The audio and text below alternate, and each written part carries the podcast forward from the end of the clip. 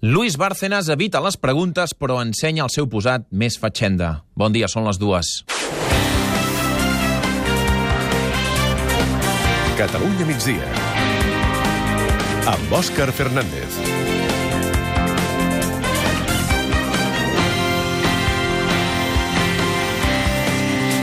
L'extresorer del Partit Popular, Luis Bárcenas, ha comparegut avui al Congrés dels Diputats teòricament per donar explicacions sobre la comptabilitat B del partit, però al final n'ha donat ben poques d'explicacions. No ha contestat a la majoria de preguntes que li han fet els diputats de la comissió que investiga aquest suposat finançament irregular dels populars. Sí que ha dit que mai s'ha quedat ni un euro dels diners del partit. També ha aprofitat per carregar contra diferents partits, com ara Ciutadans o Esquerra. Sentim, per exemple, l'enganxada que ha tingut amb el diputat Joan Tardà. Si usted se levantara y pidiera perdón, usted haría un acto de patriotismo. Se levantó el señor Ausats, eh, condenado por fraude de tabaco, pidió perdón a la ciudadanía catalana, el señor Ausás. ¿Por qué tengo yo que pedirlo? De seguida, amb l'Albert Calatrava, repassarem el més destacat d'aquesta jornada de Bárcenas al Congrés dels Diputats. I d'altra banda, nou cap de setmana de cues als controls de passaports de l'aeroport de Barcelona i novament ha tornat la polèmica. El delegat del govern espanyol a Catalunya, Enric Millo, ha dit via Twitter Eva Comte, bon dia. Hola, Òscar, bon dia. Que les cues han estat puntuals i dins dels estàndards europeus. Sí, ha replicat així el conseller de Territori, Josep Rull, que s'ha queixat que hi tornés a haver problemes a l'aeroport. Una bona dotació ha de ser capaç de fer una gestió ordinària, però també gestionar l'excepcionalitat. I si hi ha una concentració de determinats vols, l'operatiu ha de ser capaç de gestionar aquesta excepcionalitat amb tots els, amb tots els ordres.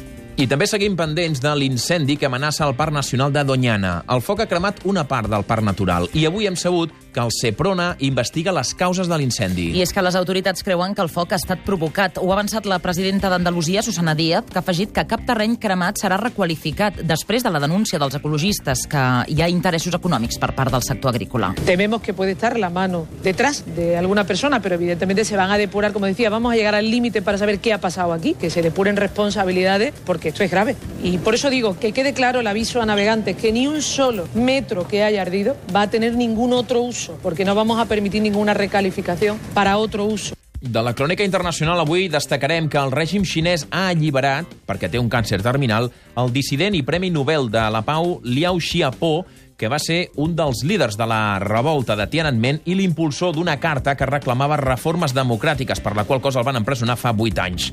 Hong Kong, Francesc Canals, Liu Xiaopo està hospitalitzat al nord-est del país. En sabem res? La seva família el pot visitar? Bon dia. Uh, bon dia. Se sap que la seva dona, Liu, se sap que la dona de Liu Xiaopo, Liu Xia, l'ha pogut veure un cop més, un cop al mes a la presó, però no es tenen detalls de les últimes setmanes, perquè el Premi Nobel de la Pau hauria estat hospitalitzat fa un mes quan se li va diagnosticar el càncer, tot i que ho hem sabut avui. D'altra banda, la primera ministra britànica, Theresa May, tanca definitivament l'acord de govern amb els unionistes nord-irlandesos. El suport extern era imprescindible pel govern conservador després de perdre la majoria absoluta a les últimes eleccions legislatives. Londres, Sergi Molero. Finalment hi ha acord i, com estava previst, i predominen els diners al document signat per les dues parts. 1.700 milions d'euros per Irlanda del Nord en una entesa que el DUP diu que està guiada per la defensa i potenciació d'un Regne Unit encara més unit. I de la cultura, avui parlarem de moda, perquè Barcelona torna a acollir la 080 Fashion. Avui ha començat la nova edició de la Fira, el gran aparador de la moda catalana. Barcelona, Montse Pujol, quins són els protagonistes de la passarel·la d'avui? Doncs aquest matí ha inaugurat la firma Little Creative Factory, aquí al recinte modernista de Sant Pau, que ha emocionat el públic amb la dansa de joves estudiants d'aquest art i la creativitat de la dissenyadora Cristina Fernández, també Bòboli. Ara a aquesta hora desfila la col·lecció del jove Daniel Rosa, Premi Nacional del Disseny Emergent de l'edició de l'any anterior i que ha explicat a Catalunya Ràdio què li ha significat per a ell ser present a la passarel·la catalana. Pues sobre todo mucha, mucha ilusión ¿no? y un impulso muy grande ¿no? para, seguir, para seguir trabajando, para seguir y sobre todo para poder seguir invirtiendo en, en la marca. Aquesta tarda desfilen les col·leccions d'Antonio Miró, TCN i Maxon, entre d'altres. I quan passin 5 minuts de dos quarts serà el moment de les notícies pròximes. Comencem avui a Barcelona, Albert Duran. Hola, bon dia. Doncs l'Ajuntament de Barcelona ha denunciat que un exalt directiu d'Airbnb va relloguer fa uns mesos un pis turístic il·legal.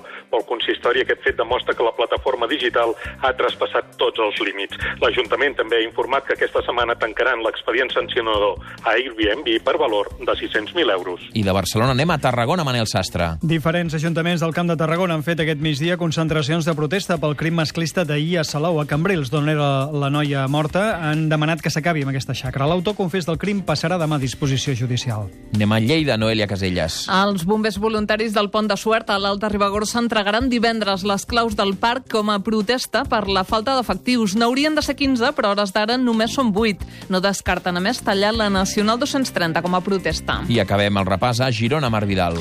Cau a la meitat la preocupació per les incerteses derivades del procés polític que es viu a Catalunya entre les grans empreses gironines, ho diu un estudi elaborat per una consultora, i la UDG, que conclou que el 2016 va ser un bon any per a les empreses aquesta demarcació.